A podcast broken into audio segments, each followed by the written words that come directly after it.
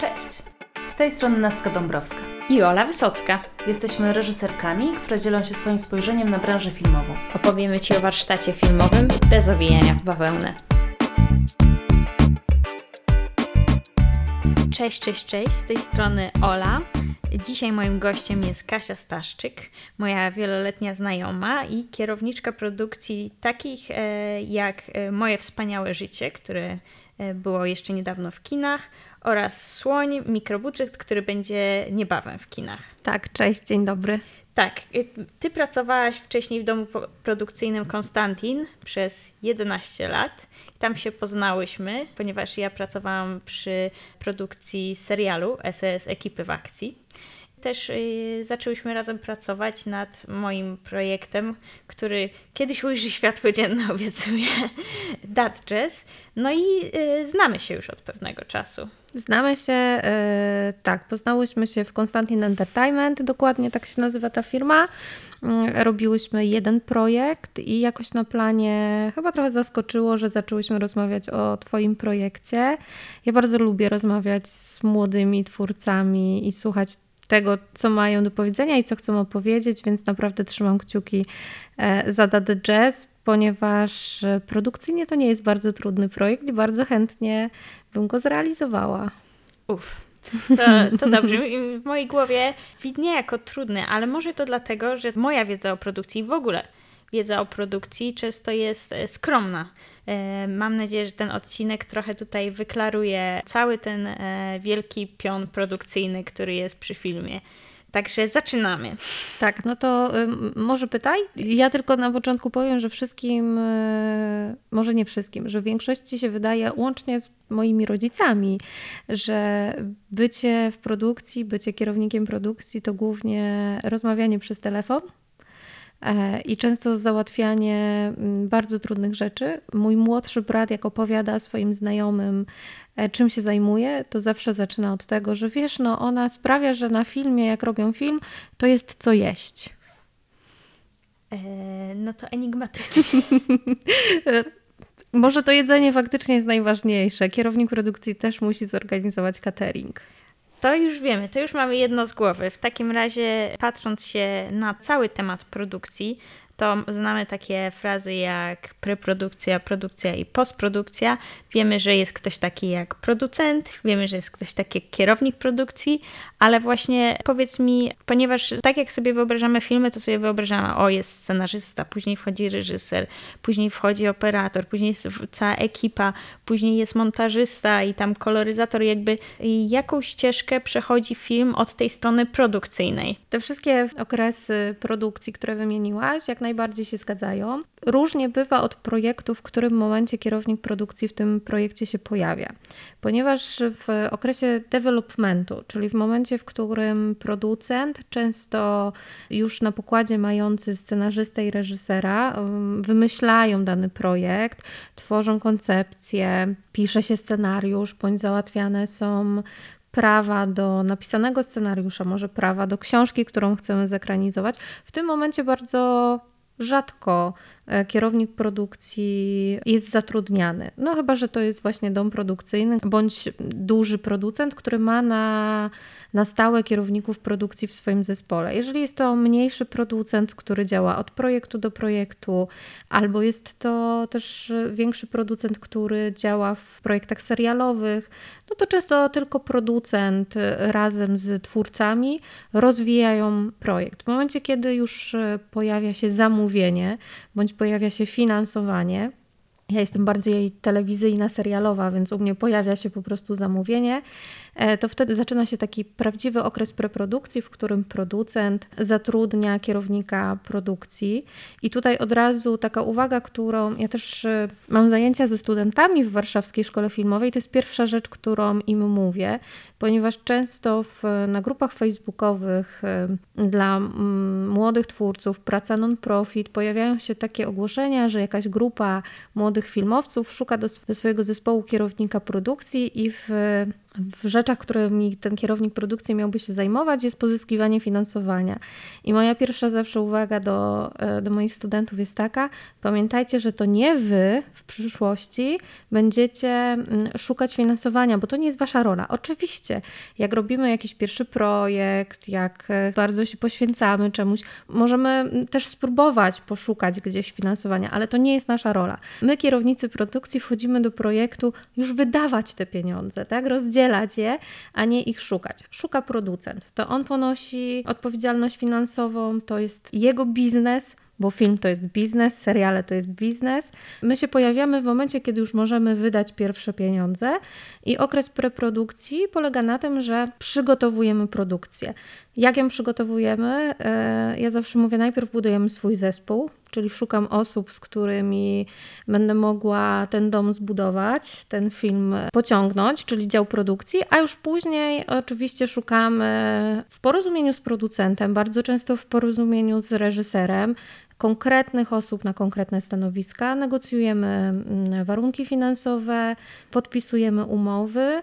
Bardzo często też dostajemy budżet od producenta, ponieważ to producent często sam tworzy taki pierwszy draft. To nie jest taka święta Biblia, że tam się nic nie może zmienić. Nie, on tworzy pierwszy draft, żeby wiedzieć, ile potrzebuje na dany film. Może to być zrobione przez kierownika produkcji, jeżeli wcześniej ze sobą współpracują. Ostatnio też słyszałam, że często się zleca oddzielnym bytom, oddzielnym osobom, które się tylko i wyłącznie zajmują kosztorysowaniem. Ale jeżeli nie miałam spotkania z producentem wcześniej, jestem zatrudniona dopiero w okresie preprodukcji, dostaję kosztorys, który sobie jakby przyswajam ze swoją głową do tego, gdzie jest za dużo, gdzie jest za mało, gdzie muszę przesunąć, gdzie wiem, że załatwię coś taniej, a gdzie wiem, że na przykład teraz mamy czasy e, inflacji i bardzo wysokich cen paliwa, wiem, gdzie muszę dołożyć. I to jest zawsze bardzo blisko komentowane z producentem. No później mamy okres produkcji, najprzyjemniejszy okres dla kierowników produkcji. Ja uważam, że w tym czasie kierownik produkcji ma najmniej na głowie, a jeżeli e, ma bardzo dużo, to znaczy, że nie wykorzystał czasu w preprodukcji. Bo jeżeli wszystko sobie dobrze przeczytam, wszystko sobie dobrze przygotuję, dobrze omówię z reżyserem czego potrzebuję do każdej sceny, dobrze umówię z każdym pionem, czy na pewno wszystko mamy, no to później okres produkcji to już jest taka, jak w teatrze, tak naprawdę wystawienie spektaklu. Tak, może próba generalna, czyli że jeszcze może nam coś nie wyjść, możemy poprawiać w ciągu dni zdjęciowych. Ja powinnam mieć już wszystko przygotowane, i znowu mnie uczono, że wtedy kierownik produkcji powinien usiąść wygodnie w fotelu i tak naprawdę już się zastanawiać, gdzie jest kolejny projekt na jego ścieżce zawodowej. No i e, oczywiście w tym okresie produkcji jest dużo takiej papierkowej pracy, bo jeżeli mamy wszystkie umowy podpisane, w czasie trwania produkcji wydajemy te pieniądze, ale żeby wydać pieniądze, ja muszę mieć pokwitowanie na każdą wydaną rzecz. Czy to rachunek, czy to faktura, czy to jakiś paragon. Muszę to wszystko mieć sprawdzone, opisane, podsumowane, rozliczone. E, no i głównie tutaj też jest to, to, co powiedziałam, że moi rodzice tylko to widzą, czyli rozmawianie przez telefon. tak? Czyli gdzie są te karty, gdzie jest sprzęt, gdzie mamy go odebrać, gdzie podjechać. Mm, coś się zepsuło, trzeba szybko zareagować. E, Właśnie, czy do tego też się zalicza gaszenie pożarów, tak jak Twoje motto brzmi? Tak, tak, tak. Gaszenie, e, gaszenie pożarów jak najbardziej. Oczywiście wszystko bierzemy na spokój. To jest to moje jest motto. motto. Tak, ja biorę wszystko na spokój. Oczywiście to też lata doświadczenia. Ja teraz patrzę trochę z przymrużeniem oka na, na swoją postawę, bo wcześniej Pierwsza moja sytuacja taka mm, awaryjna, która mi się zdarzyła, jak byłam pierwszy raz kierownikiem produkcji, to był serial Malanowski i Partnerzy.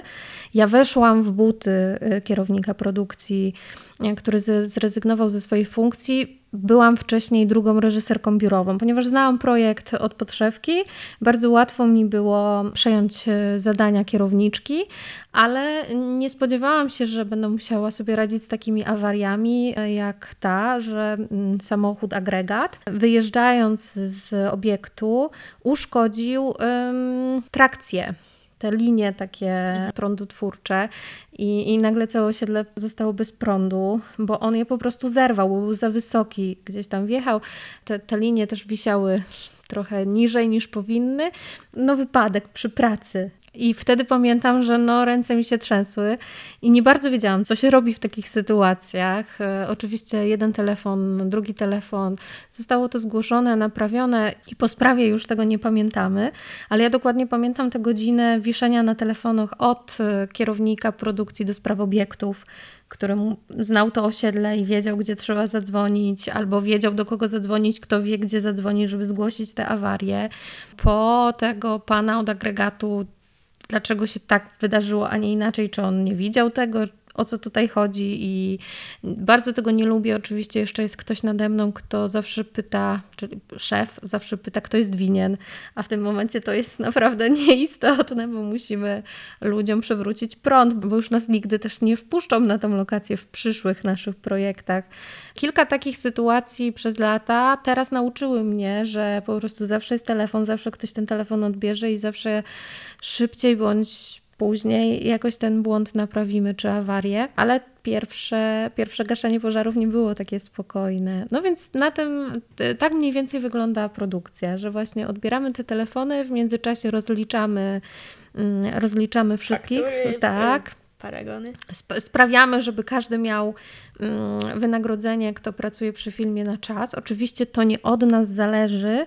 Przelew Przelew to jest producent. My tylko przygotowujemy wszystkie dokumenty tak, żeby producent mógł ten przelew wykonać.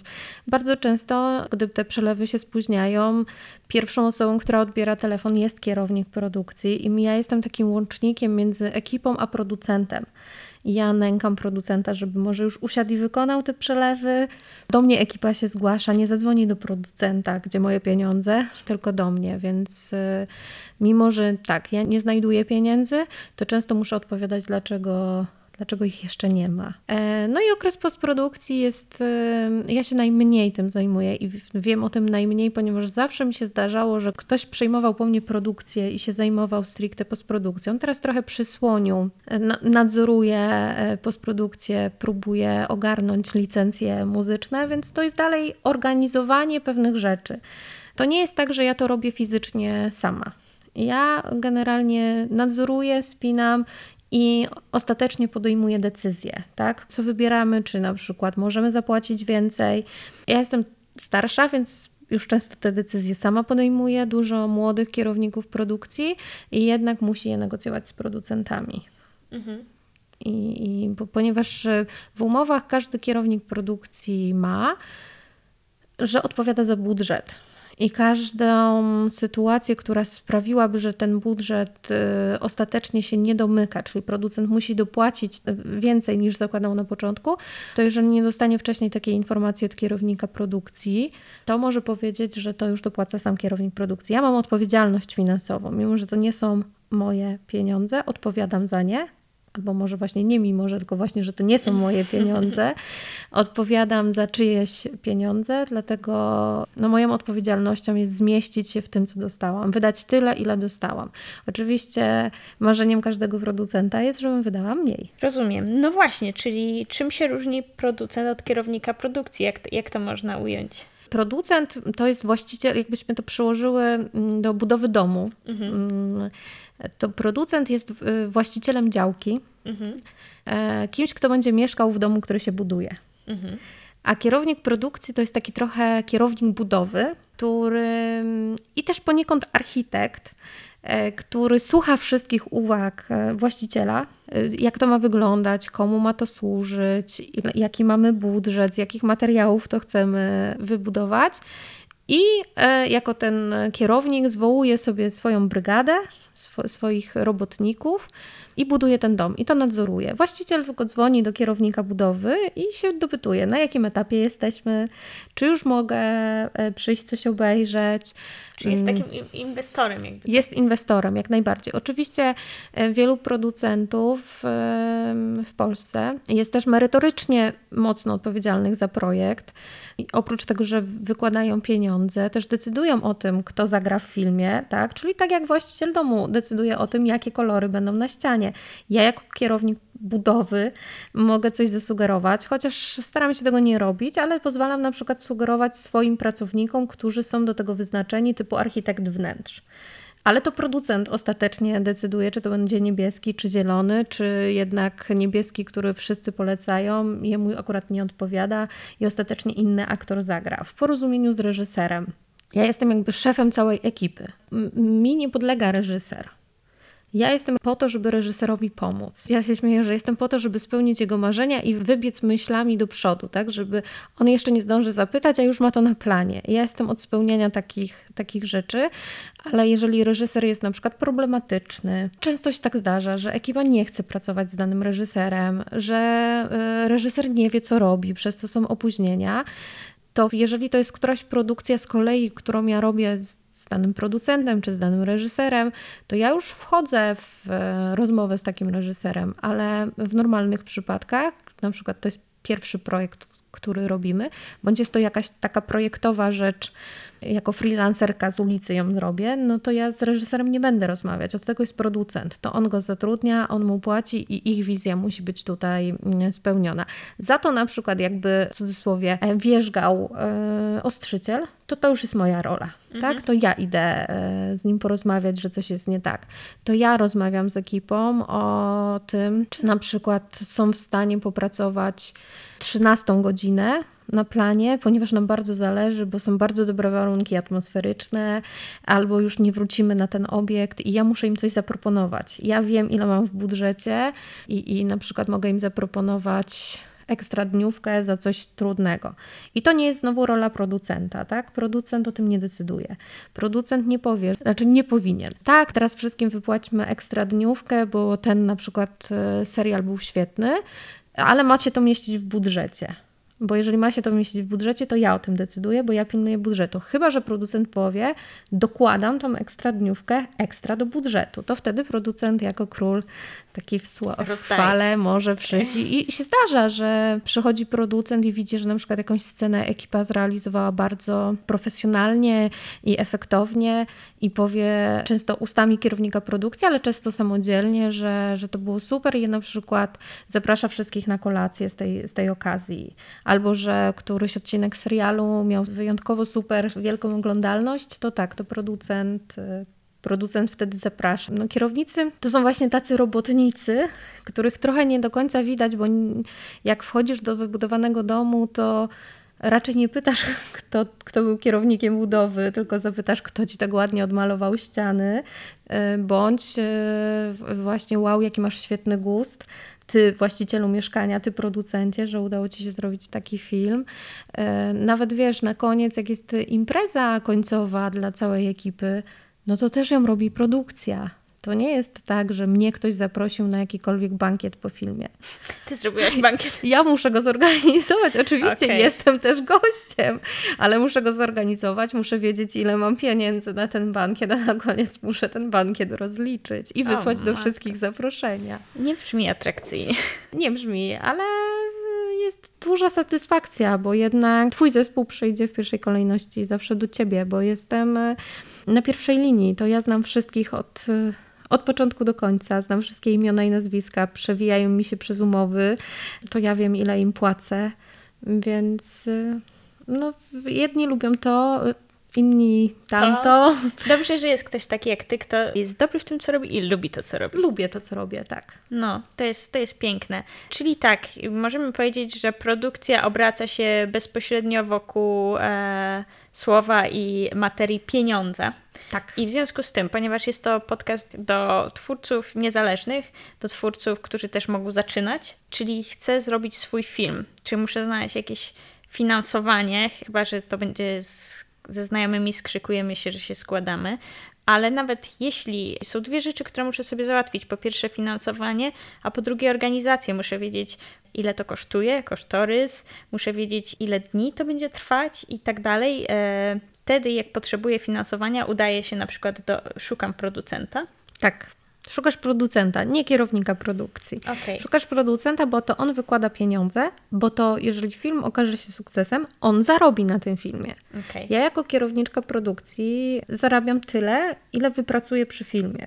Tak? Czyli moje wynagrodzenie przy filmie. Tak samo jak ostrzyciel, szwękier, mm, mistrz oświetlenia, mhm. tak? E, oczywiście ci, którzy są twórcami, reżyser, autor zdjęć, kostiumograf, scenograf, jeszcze mogą liczyć na to, że jeżeli film będzie miał swoje, film, serial, jakieś nadania, a potem reemisje, mają tantiemy kierownik produkcji nie ma tantiem, bo nie jest twórcą, tak? Więc oni tutaj jeszcze po filmie mogą coś e, uszczknąć. uszczknąć. Ale przede wszystkim na filmie zarabia producent, no ale to jest zrozumiałe, on wyłożył pieniądze i powinno mu się to e, zwrócić. Film polski się nie zwraca. Generalnie mm, może to. Tak, no nie, nie ma zwrotu nie, z biletu. Nie ma, nie ma. I, i, znaczy, oczywiście są wyjątki i Kler, i Boże Ciało, ale generalnie jest taki wniosek, jak czasem chodzę na jakieś konferencje, panele, warsztaty dla młodych producentów, to ciągle się przewija takie hasło, że na filmie w Polsce się nie zarabia. Jeszcze. Jeszcze. Wy, wychodzi się na zero, to też jest ok, tak? Czyli masz swoją pensję jako producent, ale, ale nie wielkich domów nie pobudujesz. Czyli e, cała jakby pensja i wszystko pochodzi z, finans z finansowania. Tak, tak. No więc ja jako kierowniczka produkcji e, nie dokładam do interesu, czyli nie, nie wykładam swojego, swoich pieniędzy, ale też później nie, nie zarabiam nie mam z tego żadnych zysków, czyli kierownik produkcji wchodzi dopiero wydawać te, te pieniądze, które, które ma. Czyli jeżeli chcesz coś zrobić, e, zastanawiasz się, do kogo się udać i kogo w pierwszej kolejności potrzebujesz, to potrzebujesz producenta, bądź potrzebujesz kogoś, kto pomoże ci napisać wniosek na jakieś finansowanie publiczne. E, bo możesz być sama producentem i twórcą swojego, swojego filmu i przy debiutach bardzo często się tak zdarza, że reżyser, jeden, drugi młody, e, po prostu, tak jak powiedziałaś, skrzykuje się kilka osób i wyciągają e, swoje pieniądze. Jak już te pieniądze masz, to wtedy możesz się udać do kierownika produkcji, jeżeli nikt w zespole nie ma takiego doświadczenia, który ci powie, jak te pieniądze podzielić, czyli komu, co powinnaś zapłacić, jakie zgody musisz mieć przy organizowaniu swojego filmu, co musisz załatwić. I kierownik produkcji doświadczony już ci powinien powiedzieć, ile mniej więcej dni zdjęciowych potrzebujesz na swój film, bo to jest podstawa do zrobienia kosztorysu. Ile potrzebujesz dni zdjęciowych, bo to się mnoży razy stawki. Więc tak, producent y, doświadczony też ci to powie, bo bardzo często jest tak, że producentami stają się byli kierownicy produkcji. I to jest e, dobra sytuacja, bo producent ma świadomość. E, Wycenia na oko nawet. Na oko można wycenić. Znaczy, ja ci mogę w ciemno powiedzieć. Polski film, e, taki mniej więcej 90-100 minut, no to 25 dni zdjęciowych minimum, jeżeli to jest prosta obyczajówka, a jeżeli masz jakieś trudne rzeczy, to dokładasz dni, tak? Mikrobudżet, no to, to jest od 12 do 15 dni zdjęciowych, bo inaczej się w budżecie nie zmieścisz. Nie ma, nie ma takiej opcji.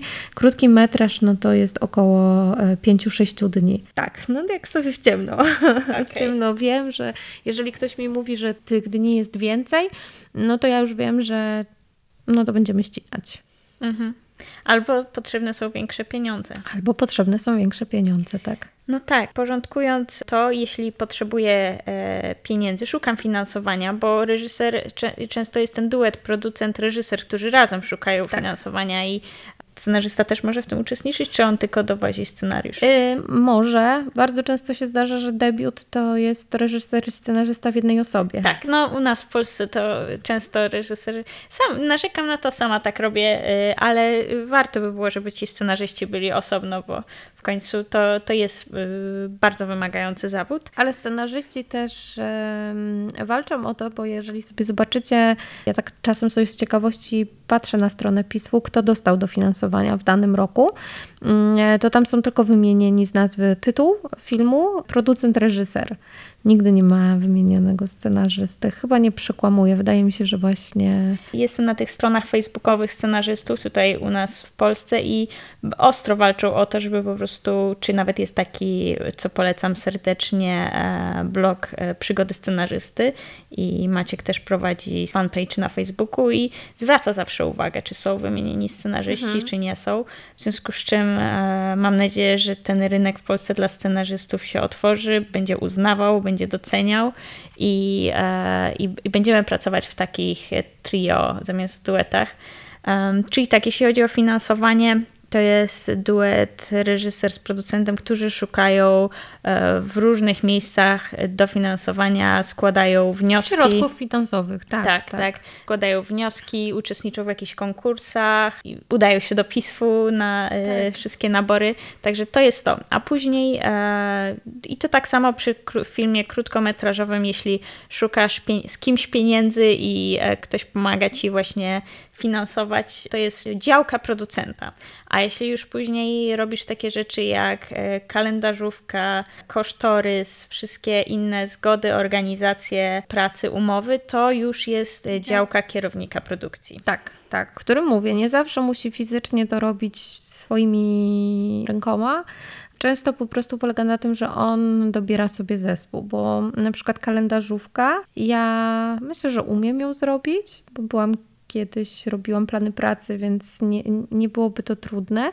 I ja coś zakładam jako kierowniczka produkcji, tak? Robiąc kosztorys, właśnie zakładam to, że na film mamy 25 dni zdjęciowych. Nie więcej, nie mniej. Taki budżet, a to mi wynika z tego, że na przykład mam taki budżet, a nie inny, czyli takie pieniądze.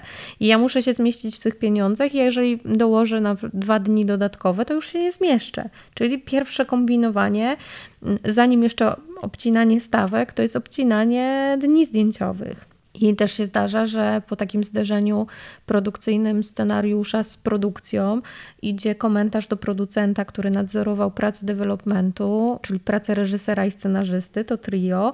Do nich idzie komunikat, słuchajcie, trzeba wprowadzić poprawki scenariuszowe, tak żeby te 25 dni było realne, bo w tym na przykład momencie wychodzi nam 28 dni zdjęciowych. No i wtedy się scenariusz skraca, bo mamy budżet, jaki mamy. Nie przeskoczymy tego. Ale to jest już decyzja producenta, tak? Czy dokłada, czy szuka dalej kolejnych miejsc tych środków finansowych. Ja już nie podejmuję takiej decyzji. Ja tylko zgłaszam problem. Mhm. Uwaga, uwaga, wychodzi nam więcej dni niż powinno. I mogę sobie sama to policzyć. Mogę policzyć to trochę na oko, na dzień dobry, a potem zatrudnić drugą reżyserkę, drugiego reżysera biurowego, który to włoży w kalendarz, przeliczy i wyjdzie nam odpowiedź konkretna w PDF-ie i, i wtedy decydujemy, co dalej, co skreślamy. Ja nie skreślam, ja nie, nie nanoszę poprawek scenariuszowych, ja tylko alarmuję, że na przykład nie jestem w stanie zorganizować takiego samochodu, który jest w scenie, bo to jest po mojej stronie. Wszystko, co jest napisane w scenariuszu, muszę zorganizować produkcyjnie. E, dany rekwizyt, oczywiście organizuje to scenograf z rekwizytorem, ale ode mnie wiedzą, czy mają na to pieniądze, czy nie. Ode mnie mogą wyjść pisma do na przykład do wytwórni, mm, gdzie są magazyny. Ja muszę napisać pisma, w których y, opisuję, to jest mój scenograf do takiego filmu. Płatnikiem będzie dana, dany producent, faktury proszę przesyłać mailem i dopiero jak wyślę takie pismo, to wytwórnia otwieram swój magazyn mm, dla kostiumografa czy dla, dla rekwizytora. W prywatnych magazynach tak już nie potrzeba, ale na przykład zdarzyła mi się taka sytuacja, że moja kostiumografka chciała wypożyczyć od jednej firmy oprawki do okularów na przymiarki dla aktorów, to też moim zadaniem było napisanie pisma takiego potwierdzającego, że ta kostiumografka przy, pracuje przy takim filmie i że w razie zniszczeń bądź w razie tego, że te okulary nie wrócą do nich z powrotem, to my pokryjemy koszty zabranych rzeczy. Tak? Więc ja się zajmuję bardzo papierologią, właśnie tymi rozliczeniami i ciągłym decydowaniem i przeliczaniem w głowie, czy nas na to stać.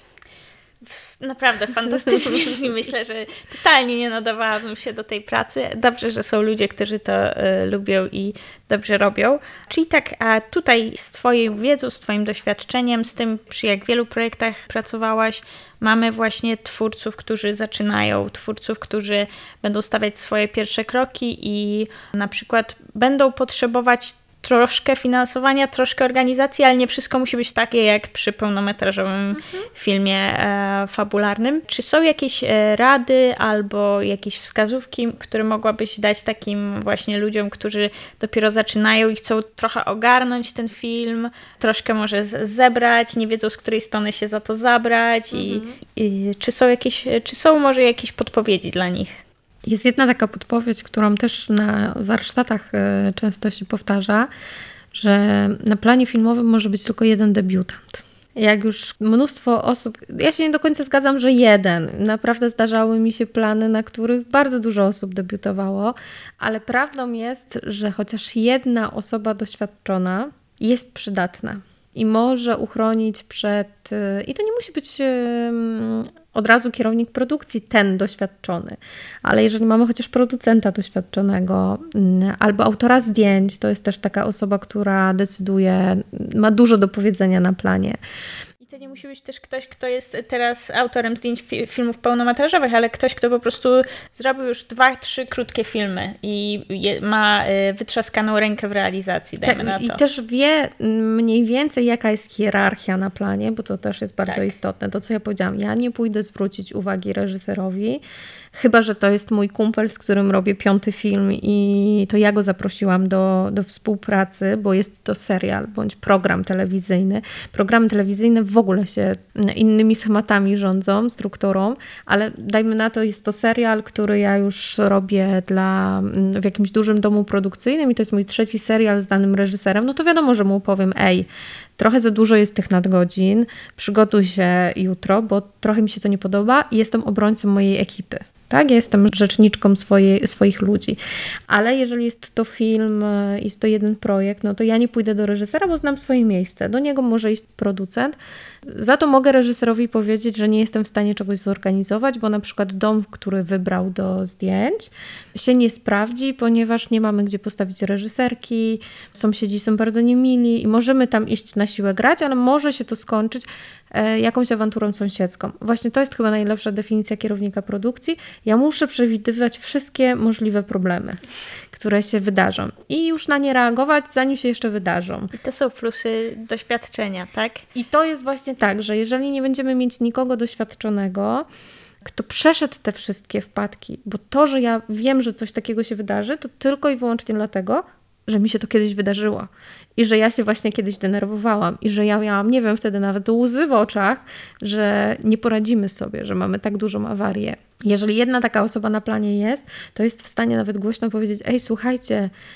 nie róbmy tego, bo przecież e, to się nam zaraz wywali wszystko i koszt tego wywali mi się to wszystko jest dużo większy niż e, wymyślenie innego pomysłu na coś, bo to, to właśnie w tym przewidywaniu tych problemów u kierownika produkcji polega na tym, że ja muszę przeliczyć, czy jeżeli mi się to wywali, to nadal jestem na plusie finansowym, czy jakbym miała teraz zainwestować pieniądze, nie wiem, w dodatkową lokację albo w dodatkowy dzień zdjęciowy. Bo może się okazać, że się nie wywali i wszystko jest ok. Tylko co jeśli się wywali, tak? Czy ja jestem na minusie, czy nie? Znowu pieniądze. Okej, okay, tak? okay. czyli mamy tu kwestię doświadczenia, tak, więc to doświadczenie, bo pytałaś o tych młodych twórców. Tak, tak, bo jakieś rady. też takie mhm. na myśli, że, że właśnie czy wszystko musi być tak na totalnym legalu, czy niektóre rzeczy można nagiąć. Mówię na legalu, nie mówię, nie zachęcam do łamania prawa, ale czy na przykład wszędzie, gdzie kręcimy, musimy mieć jakieś zgody mhm. albo... E, oficjalnie tak. Mhm. E, jedyna podpowiedź przy młodych twórcach, jaką ja mam, nie bójcie się prosić o to, żeby dostać je za darmo. Mhm. Bo co innego jest, jeżeli robimy serial dla głównej stacji na godzinę 20 i jak ja bym napisała pismo do pani, do jakiejś instytucji publicznej, że proszę pani, nie mam budżetu, e, bardzo mi zależy, żeby u państwa, na przykład w jakiejś szkole muzycznej, zagrać, bo macie piękne schody, ale mam na to 0 złotych. E, czy pani mi pozwoli? No to trochę nie, bo to jest duży komercyjny projekt. Ale jak jesteście młodymi twórcami, to ja się nie boję wyciągać ręki. Tak? Z moimi studentami się często śmieję, jak robię mikrobudżet i jestem kierowniczką, która już zrobiła coś tam i trochę może by mi nie wypadało poprosić kogoś o coś za darmo, ale jednak robię mikrobudżet. Czyli naprawdę mam bardzo niski budżet, zgodziłam się na to, żeby to robić, więc e, nie mam z tym problemu, żeby napisać do firmy e, XY, że robię taki mikrobudżet, że to są młodzi, młodzi twórcy i czy jednak zechcieliby mi zejść z sceny. I oni z reguły schodzą. I tutaj młodym twórcom polecam, że nie fiksujcie się na to, żeby zagrać coś na pół legalnie, no bo wiadomo, młodych twórców faktycznie, jeżeli was ktoś złapie, no to ja dostanę większą karę jako doświadczona, duża produkcja, niż jakaś młoda studencka produkcja. Często się robi też tak, że się po prostu pisze pismo o zgodę na realizację zdjęć na przykład w parku bądź na ulicy i się dodaje, że to będą zdjęcia reporterskie. No bo wiadomo, że też nie będziecie mieć wielkiego zaplecza, trzy kampery, dwa agregaty, cała furgonetka światła, tak? Ciężarówka raczej światła.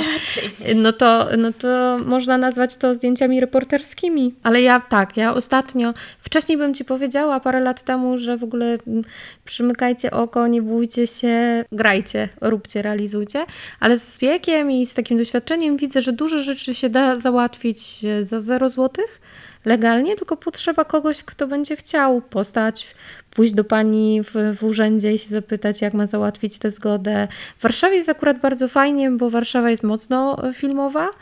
E, I wiele tych pań wie, z jakimi problemami borykają się pań i panów, borykają się filmowcy, więc tylko powiedzieć prawdę. Jestem młodym twórcą, e, twórczynią. twórczynią. Dostałam e, dofinansowanie, bądź nie dostałam dofinansowania. Robię film dyplomowy. Jeżeli macie już jakiegoś aktora, to, to też mi często pomagało. Ja zawsze potrzebuję jedno nazwisko, zawsze mówię producentowi. Potrzebujemy jednego znanego nazwiska, nawet do roli drugoplanowej epizodu, żebym ja miała punkt zachęcenia w mailach. I wtedy, jak piszę takie oficjalne pismo, tym się zajmuje kierownik produkcji. Też wysyłam pismo do jakiejś szkoły, że chciałabym skorzystać z parkingu, że coś tam, a że gra u nas taki taki aktor. Nagle się może okazać, że pani z sekretariatu, która czyta to pismo, jest wielką fanką tego aktora. I nawet jak pan dyrektor byłby na nie, no to wiadomo, że jak ona mu przynosi kawę i przynosi to pismo, no to tak sprzeda te, ten temat, bo będzie chciała zobaczyć choćby tego aktora. Nigdy tego nie wiecie. I ja już się tego nauczyłam, że nigdy nie wiadomo, co nam otworzy drzwi, więc trzeba próbować. A z takich jeszcze rzeczy do właśnie twórczyń, twórców, którzy zaczynają albo którzy są niezależni, odnośnie jeszcze organizacji, y, czy właśnie tych dokumentów, które trzeba przygotować, są jakieś takie must have zawsze? To znaczy, co, co można zostawić spontanowi, a znaczy, co must have przy... to jest ubezpieczenie. To, tak. to jest ubezpieczenie planu, to jest y, czegoś, czego nie możesz zostawić spontanowi. Okay ubezpieczenie planu, ale ubezpieczenie też Twojego materiału. Bo to o tym się często gdzieś tam przymyka oko. No, bez przesady, że nam się zniszczą kopie, tak? Czy tam nasz backup, czy nasze dyski się zepsują. No nie ma takiej opcji. Tylko tak naprawdę na to pracujesz te powiedzmy 6 dni przy swoim krótkim metrażu i to jest de facto najistotniejsza rzecz, którą masz, te dyski z materiałem, więc yy, ubezpieczenie i bezpieczeństwo Czyli jeżeli faktycznie mm, zakładacie trudne sceny, kaskaderskie, mm, jakieś wypadkowe, to na tym nie ma co oszczędzać. Na wszystkim innym myślę, że tak, na jakimś rekwizycie, na tym, żebyście połączyli funkcje. Często się tak robi, że scenograf jest też kostiumografem, albo kostiumograf jest też charakteryzatorem, e, kierownik planu to jest drugi kierownik produkcji, mm, e, skrypt wchodzi w rolę drugiego reżysera, bądź drugi reżyser łączymy funkcję z kierownikiem planu i, i na to się nie, nie ma co obrażać, po prostu krawiec szyje tak, ile ma materiału, tak? Nie mamy dużo tego materiału, to musimy kombinować, ale ubezpieczenie najważniejsze każdej produkcji i, i, i, bezpieczeństwo też. E, ja, ja jestem taka teraz hop do przodu, ale zdarzały mi się plany i to w dużych produkcjach, gdzie ktoś przymknął oko, bo nagle reżyser wymyślił, że aktor będzie przebiegał przez tory, a tam nadjeżdża sobie pociąg i mi sobie tylko no to trzy sekundy, nic się nie stanie. Tylko co jeżeli, i oczywiście wszyscy na to poszli, scena została nakręcona, wszystko jest ok, aktor przebiegł przez te tory, przeżył, przeżył chwilę potem przejechał pociąg, mamy piękne ujęcie, wszyscy się cieszą. Ale teraz z perspektywy czasu, jak na to patrzę, to mam takie, a co gdyby mu się zaklinowała noga, tak? Bo to było niby bezpieczne, ale takie nie do końca. Co wtedy, tak? Czy mamy jakąś bójkę? Też miałam taką scenę, gdzie nie stać mnie było na mm, kaskaderów, którzy ustawią walkę. Wzięłam po prostu za jakieś drobne wynagrodzenie chłopaka, który jest instruktorem e, walki, żeby ustawił walkę e, aktorom, ale po tej scenie e, aktor mi główny zaczął tłumaczyć, że on się czuł bardzo niekomfortowo, bo nie było żadnych materacy, na które upada, żadnych ochraniaczy dla niego podczas tej bójki. I ja też sobie zdałam sprawę, że faktycznie on ma rację, że nie gdzieś tam w tym mocnym oszczędzaniu zapomniałam o takich najważniejszych rzeczach, że z jednej strony jestem kryta, no bo wzięłam instruktora walki, zapłaciłam komuś za to, no przecież wydałam i tak z małego budżetu jakieś grosze, a z drugiej sobie pomyślałam, że nie, nie, tu chodzi bardziej o bezpieczeństwo tego aktora i, i w przyszłości już muszę o tym o tym pomyśleć. No a z takich bardzo przyziemnych rzeczy i może śmiesznych dla niektórych, e, to najważniejsze na planie jest jedzenie. Jedzenie. Jedzenie, czyli możemy sobie pomyśleć. Ciepłe napoje. Możemy sobie pomyśleć, że kumpelsko robimy jakiś projekt. I dostęp do toalety. Dostęp do toalety, tak. No tak, to sobie e, przypominam. Kumpelsko robimy, robimy jakiś projekt i wszyscy robimy ten projekt za darmo. I, I, to jest ok, bo wszyscy się zgadzamy na to i tak dalej, i tak dalej, ale y, zawsze ta osoba, która skrzykuje tych ludzi, y, musi pomyśleć o tym, że jeżeli nie zjedzą na planie i nie zrzucicie się na to jedzenie wcześniej, albo nie pomyślicie, właśnie nie napiszecie jakiegoś e, uzawego maila, uzawego oczywiście w cudzysłowie, maila do pizzerii, przy których gracie, możecie się bardzo mile zaskoczyć, że ta pizza do Was przyjedzie za darmo, za to, że w napisach będzie pizzeria. A jeszcze jak gracie w małych miastach, to już prawie zawsze się możecie miło zaskoczyć. No w Warszawie trochę, trochę nie. Mm, e, jeżeli nie ogarniecie jedzenia, albo będziecie tak, no to, no to ci ludzie już nigdy do was nie przyjdą. I jeszcze jest ważna taka... Albo się rozpieszkną, bo każdy będzie chciał sobie coś kupić i później będzie problem. Tak, albo będą mieć pretensje, że chcecie od nich, nie wiem, kolejnej rzeczy, a oni są głodni po prostu. I y, myślę, że w młodych produkcjach, młodych na zasadzie takich startujących, o czym się zapomina? O atmosferze na planie. Ja jest, zauważyłam ostatnio na jednym projekcie, na którym byłam, za który ludzie mieli płacone, ale takie powiedzmy 50 stawki rynkowej, bo był to niskobudżetowy projekt, zauważyłam coś takiego, że to było kilkudniowy, kilkudniowy projekt, że z każdym dniem coraz więcej ludzi się zaczęło na siebie obrażać. Przestało ze sobą rozmawiać, zaczęli mieć roszczenia, mimo że wszyscy na dzień dobry wiedzieli, w jaki projekt wchodzą w jakie warunki finansowe, jak to będzie wyglądać, że nie są płacone nadgodziny, bo tak naprawdę wszyscy zgadzamy się na ten niski projekt. Właśnie bardzo dużo debiutantów było na planie i, i mówię, kurczę, pierwszy raz mam taką sytuację w życiu, że nikt tu nikogo nie okłamał, nikt nikogo nie oszukał. Skąd skąd nagle tyle do kierownika produkcji przychodzi e, pretensji, czy a za to będziemy mieć płacone, a czy mam świadomość, że to jest e, nadgodzina, a czy mamy zapłacone za dojazd do hotelu. I zdałam sobie sprawę, że wszystko się wzięło od góry, czyli od e, pionu reżyserskiego. Tam nie było czegoś takiego, że czy mógłbyś coś zrobić. Ja wiem, że to jest tylko słowo dla niektórych, czy tam forma wypowiedzenia komunikatu. Tam było od pierwszego dnia roszczenie, roszczenie, roszczenie, dlaczego tego nie ma, czemu to będzie, kiedy to będzie, jakie to...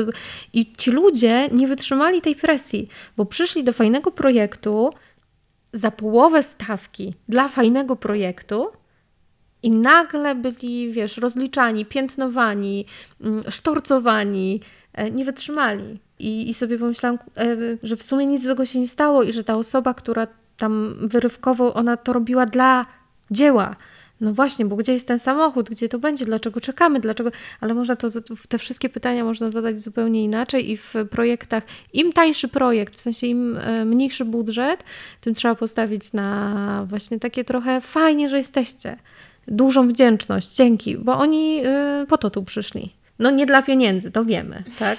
Jeżeli ktoś przychodzi dla pieniędzy, no to wtedy wiesz, że nie musisz już być taka super uniżona, miła, no bo on tu przychodzi zarabiać pieniądze, a nie się z tobą kumplować. No tak. No to zdecydowanie atmosfera na planie należy do reżysera i on też ustanawia tu pewne poziomy, tak? Mhm. Sympatyczności mhm. i kultury osobistej i tak dalej. Y, ale tutaj akurat powiem, że kierownik produkcji też jest za to odpowiedzialny. Mimo, mhm. że e, to jest też ważna rzecz. Kierownik produkcji nie musi być na planie. Mhm. I fajnie jak jest, no bo zna wtedy swoją ekipę. Ja się staram codziennie przyjeżdżać na kilka godzin, na jakby pod koniec zdjęć, jak już skończę swoją biurową pracę, jadę na plan, zobaczyć co się dzieje. Jak wiem, że jest jakiś trudny aktor, to staram się też przyjechać, żeby trochę załagodzić sytuację, chociaż do łagodzenia sytuacji jest też producent. Mhm. Producent rozmawia z aktorami. E, to producent powinien aktorowi powiedzieć: Słuchaj, trochę gwiazdorzysz, tak? Że, że nie tędy droga, ale rzadko się to zdarza. Producenci chcą być lubiani, producenci chcą być potem na ściankach z tymi aktorami, więc często ta czarna robota spada też na kierownika produkcji, który idzie łagodzić sytuację i idzie godzić, nie wiem, aktora z dźwiękowcem, tak? Mhm. I często niestety się zdarza tak, że musi zwolnić któreś z nich, często mm, dźwiękowca. Au. E, więc, e, e, więc, więc, więc tak, więc tutaj tak, reżyser jest sternikiem Właśnie się zastanawiałam, jak go nazwać w tej, w tej naszej mm, metaforze budowania domu. Chyba brygadzista rządzi tymi robotnikami, a razem z nimi robo robi tą robotę. To właśnie coś pomiędzy wizjonerem a takim. E... Widzisz, bo też drugi reżyser napędza często ekipę. Reżyser pilnuje tej wizji, tak, realizacji, a tak. drugi reżyser. No, kochani, mamy jeszcze 10 minut, robimy, robimy, a później o, musimy dłużej, albo teraz się przerzucamy, albo coś tam, także gdzieś tam to jest wszystko płynne, ale na pewno e, ta atmosfera na planie też jest mega ważna, szczególnie jak to są też te e, pierwsze produkcje i ludzie przychodzą z dobrego serca, z zajawki i ta energia, którą wy macie, też im się udziela po prostu. Ta energia, tak, którą, tak. którą wnosicie, udziela się wszystkim i dużo można tą energią wygrać, czy to, że zostajemy po północy, bo, bo została nam jeszcze jedna scena, czy ci ludzie zostaną z tobą, jak, jak tego potrzebujesz. E? Znaczy na pewno jeżeli to będzie, wiesz, przez, tak jak opowiadałam, przez jakiś tam okres jakiegoś takiego piętnowania, wypytywania, sprawdzania, gdzie to jest, dlaczego tego jeszcze nie ma, mm, roszczeniowość, roszczeniowość to może ze dwa dni zostaną dłużej, ale trzeci, czwarty się zaczną buntować mhm. i, i to przyjdzie do kierownika produkcji wtedy. Mhm bo jakby staram się zaznaczać tego kierownika, czym on się zajmuje, no to właśnie tak, w dobrze, takich sytuacjach... dobrze wiedzieć, kto jest za co odpowiedzialny, a później ci powiedzą, nie, to była twoja odpowiedzialność. Nie, ja wiem, czy to była odpowiedzialność no Zawsze kierownik innego. produkcji odpowiedzialny. Nie, ja byłam skryptem, skrypt był za wszystko odpowiedzialny. Więc wiesz... To była taka też funkcja. Tak, Ta, tak. aktorka nie ma tego, kto jest za to odpowiedzialny? Skrypt. Co? Ja? Nie. Czemu ja? Dlaczego tak, ja? tak. No właśnie, ja nie lubię czegoś takiego, tego właśnie, szukania kto jest odpowiedzialny winnych. i szukania winnego. Szukania to jest... innych. Jakby to teraz rozwiązało problemy Jaki to tak, właśnie, a to jest istotne, przepraszam bardzo. Oczywiście w, w, którymś momencie fajnie wiedzieć, kto był za to odpowiedzialny. Jak ktoś żeby ten ktoś nawala. przeprosił też za to. Nie? Tak, albo jak ktoś notorycznie nawala i jest takim tym tym dominie, tym klockiem, który wysypuje inne klocki, tak. warto wiedzieć, żeby coś zmodyfikować. Ale po to, żeby robić polowanie na czarownicę, żeby napuścić całą ekipę czy yy, wszystkich, żeby piętnowali tą osobę, bo popełniła błąd, to jest bez sensu.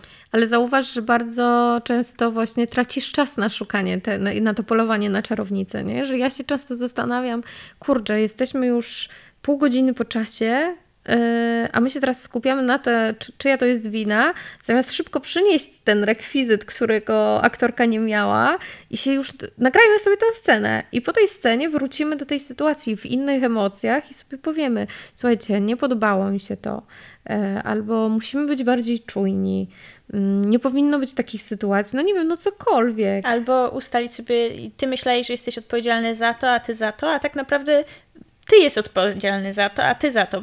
Ciężko coś nazywać winą, a bardziej odpowiedzialnością i często brak y, dostarczenia tego mhm. wynika z tego, że nawet ktoś nie jest świadom, że jest za coś odpowiedzialny albo nie jest świadom, jak wykonać tą odpowiedzialność i to, to, są, to są takie kwestie. I tu się nam trochę zamyka, jakby wracamy do tego tematu, że jeżeli chcecie debiutować, to weźcie choć jedną osobę doświadczoną, bo ona wam podpowie, kto jest za co odpowiedzialny. Tak. Że nie będziecie też strzelać na oślep i... Można się pogubić w takiej pracy tak. na planie, jak jest bardzo dużo obowiązków w jednym czasie, wszyscy muszą działać symultanicznie, żeby każdy wiedział, co do niego należy, jak w mrowisku, bo inaczej jest chaos i bardzo ciężko, e, bardzo ciężko coś z tego uzyskać. Bardzo mhm. ciężko wypłynąć na spokojne wody realizacji. I jeszcze jedna mała y, uwaga. Y, trochę a propos tej odpowiedzialności, ale trochę a propos takiego zrozumienia, tego nie uczą reżyserów chyba w szkole i ja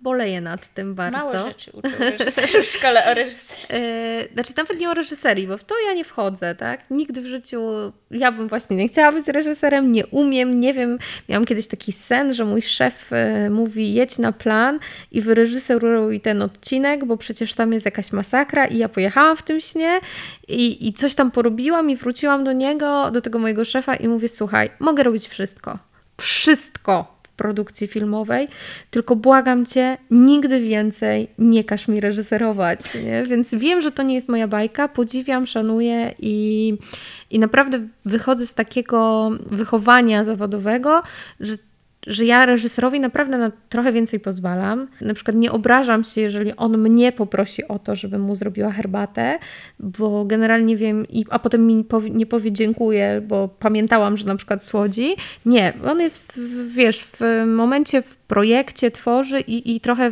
ja tak, i tego też uczę moje stażystki, asystentki i drugie kierowniczki, że jemu trochę więcej wolno, Oczywiście e, kultura i atmosfera jest dla mnie najważniejsza, więc tutaj nie, ale w takim, wiesz, że, bo raz asystentka do mnie podeszła, nawet mi nie podziękował, nie? Ja mówię, słuchaj, on to zrobi, tylko że teraz jest w takim szale artystycznym, że on jest w wizji. I super, że mu zrobiłaś tą herbatę, że pamiętałaś o tym, żeby, że, że byłaś obok. I on to doceni, to, to jestem tego pewna. Ale chciałam powiedzieć o tej odpowiedzialności i trochę właśnie o tym, że takiej świadomości, jaki projekt robimy, tego mi brakuje u reżyserów. Bo ja robiłam sporo projektów mikrobudżetowych, debiutujących. I e, w momencie wejścia na plan, czy w tym okresie preprodukcji, parę razy zdarzyło mi się zderzyć, i to głównie z reżyserem, z autorem zdjęć mm, pół na pół, Mamy mikrobudżet, wszyscy się poświęcamy, wszyscy pracujemy za trochę niższe stawki, bo mamy świadomość, jaka kwota końcowa mm, tam jest. I nagle zaczyna się wybrzydzanie, takie wiesz, e, że ja tu bym chciał mieć warunki hollywoodzkie, e, że dlaczego tego nie mam, dlaczego ta osoba nie przyjechała, albo dlaczego to jest zrobione połowicznie i Trochę rolą producenta jest tylko w tych mikrobudżetach, często producenci są debiutantami też, e, jest to, żeby sobie powiedzieć: Słuchajcie, płacimy tym ludziom. E, ja mam takie, takie powiedzenie też w projektach paradokumentalnych, w których pracowałam, i tam też są dużo niższe stawki. Płacimy tym ludziom powiedzmy 2,50. Tak? Tyle, tyle płaci nam, tyle mamy finansowania, tyle płaci nam nadawca za nasz projekt. Ci ludzie pracują za piątkę. A wy wymagacie, żeby pracowali za 7 zł. To jest coś nie tak. To już ta, to nie jest taka odpowiedzialność, yy, że na przykład będę liczyć na to, yy, że do mojego mikrobudżetu teraz scenografka, która nam pracuje właśnie za, za pół ceny, yy, zrezygnuje ze swoich wakacji. A reżyser, jak już jest w tym szale, szczególnie właśnie reżyser, no, no tak padło na ten pion, tak? Lub e, reżyserka. E, lub reżyserka. Chodzi mi o to, że, że, że, że właśnie ta grupa pada w takim, dlaczego jej nie ma? Dlaczego jej nie ma? Ja muszę teraz mieć ten telefon, czy e, na przykład spada nam dany obiekt, bo to się czasem zdarza i, i, i jest nagle szał, że musimy mieć taki sam. Nieważne jaka jest cena, musimy mieć taki sam. I ja mówię, no ale jak nieważna jaka jest cena? Jak my mamy pewien budżet, my nie mamy 4 milionów na film. No, to nie jest tajemnicą. Na mikrobudżet jeszcze do tego roku było 700 tysięcy na pierwszy film, debiut. Od tego roku już jest milion. Wow, super, ale to jest dalej milion na pełnometrażowy film, gdzie w polskim kinie robi się pełnometrażowy film za minimum 4 miliony. Więc jest różnica i, i tu chodzi mi o to, że odpowiedzialność odpowiedzialnością. Fajnie wiedzieć, kto jest za co odpowiedzialny, fajnie też zwrócić komuś uwagę Mm, ale też taka świadomość, w jakim projekcie jesteśmy. I ja bardzo tego pilnuję, że jeżeli płacę komuś mniej, albo robi ktoś dla mnie w ramach przysługi coś na planie, i okej, okay, ma stanowisko powiedzmy rekwizytora głównego, traktuję go jako rekwizytora głównego, ale nie mogę od niego wymagać, że na przykład całą noc będzie jeździł od punktu A do punktu B w poszukiwaniu czegoś tam, gdzie w normalnych warunkach tak bym mogła wymagać, bo to jest jednak mikrobudżet i ja mu nie rekompensuję na przykład czasu, którego nie spędzi z rodziną. To to jest dla mnie bardzo istotne i w, e, przy, przy jednym projekcie mikrobudżetowym co drugi dzień sobie powtarzałam, że na reżyserii powinna być organizacja produkcji, żeby reżyser, reżyserka, zanim wyślą do mnie SMS-a jako kierowniczki produkcji, potrzebuję tego i tego, wiesz, w takiej nonszalancji, mieli świadomość, że nie wiem, to jest o dwa dni za późno, że na jutro nie jestem w stanie w Ciechocinie, w Ciechocinku załatwić takiego i takiego samochodu, który grał też w Warszawie. I że jestem może to załatwić w filmie pełnometrażowym, superfinansowanym z inwestorem, ale nie już w, w mikrobudżecie. Wiesz, że, że, że takie, takiej świadomości. I z jednej strony szanuję to i trochę to rozumiem, że gdyby mieli moją świadomość, jakie to jest trudne, to ich wizja artystyczna byłaby trochę ograniczona, bo teraz trochę jest hulaj dusza, piekła nie ma. I dopiero ja jestem tą pierwszą osobą, która mówi hola, hola, stop ale z drugiej strony czasem taka świadomość by im się przydała, bo no, taki, widzisz, tak, taki ale... SMS, wiesz, e, o północy, że czegoś na jutro potrzebujemy, bo zapomniałem ci powiedzieć. To jest niepoważne. Mhm. To jest niepoważne i to jest nieprofesjonalne.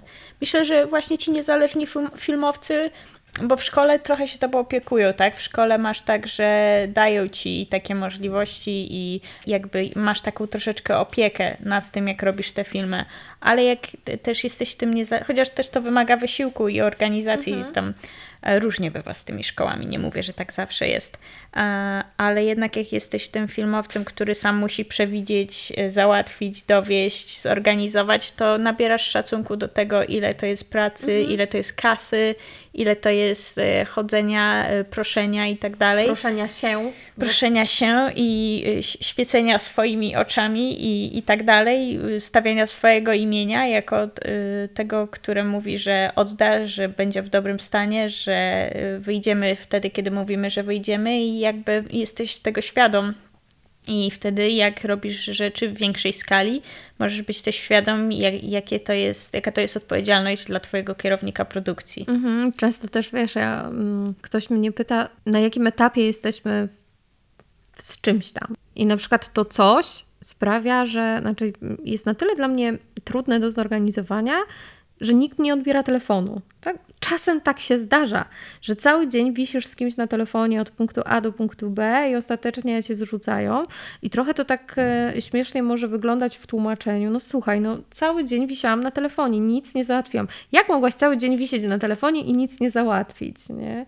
No mogłam. Nie? Bo naprawdę czasem jest tak, że trafi ci się taki dzień, że nikt od ciebie nie odbierze tego telefonu, bo coś tam. Albo cię non-stop przykładają, to za dwie godziny, to dzwońmy się za minutę, to dzwońmy się za chwilę. No i tak cały dzień się bujasz. I to nie jest tak, że ja nic nie robię. Ja po prostu się cały dzień próbuję z, zorganizować daną rzecz, ale nie wychodzi. Ale potem w tym tłumaczeniu ja już czasem sobie odpuszczam. No co mam powiedzieć, że cały dzień wisiałam na telefonie? No nie, no nie zrobiłam Także tego. Zdecydowanie szanujmy się, szanujmy swoje nawzajem odpowiedzialności i e, e, swoją pracę. Bardzo Ci dziękuję za wszystkie informacje. Myślę, że jeszcze mogłybyśmy spokojnie godzinę rozmawiać o tym wszystkim. No, jeszcze może się kiedyś spotkamy. Tak, mam taką nadzieję, bo ja sama mam mnóstwo pytań. Dużo z tych rzeczy nie wiedziałam i e, nadal jest sporo rzeczy, których wiem, że jeszcze będę, e, będę się dowiadywać, ale z tego, co ja dla siebie wynoszę, to właśnie taki ogromny szacunek dla Twojej pracy, dla też takiego poświęcenia, takiego właśnie świecenia oczami, wkładania wysiłku i e, wybiegania, ty, tak jak sama mówiłaś, wybiegasz e, myślami, co będzie potrzebne, co, co się przyda, o czym zamarzy sobie nawet reżyser. No to jest bardzo komfortowe, bardzo piękne i tak życzę wszystkim, żeby mogli pracować z kierownikami produkcji, także dziękuję Ci ogromnie za dziękuję. pobyt i e, mam nadzieję, że się jeszcze zobaczymy, będziemy e, na tematy produkcyjne rozmawiać i że Wy się dowiedzieliście dla siebie czegoś ciekawego i słyszymy się w następnym odcinku.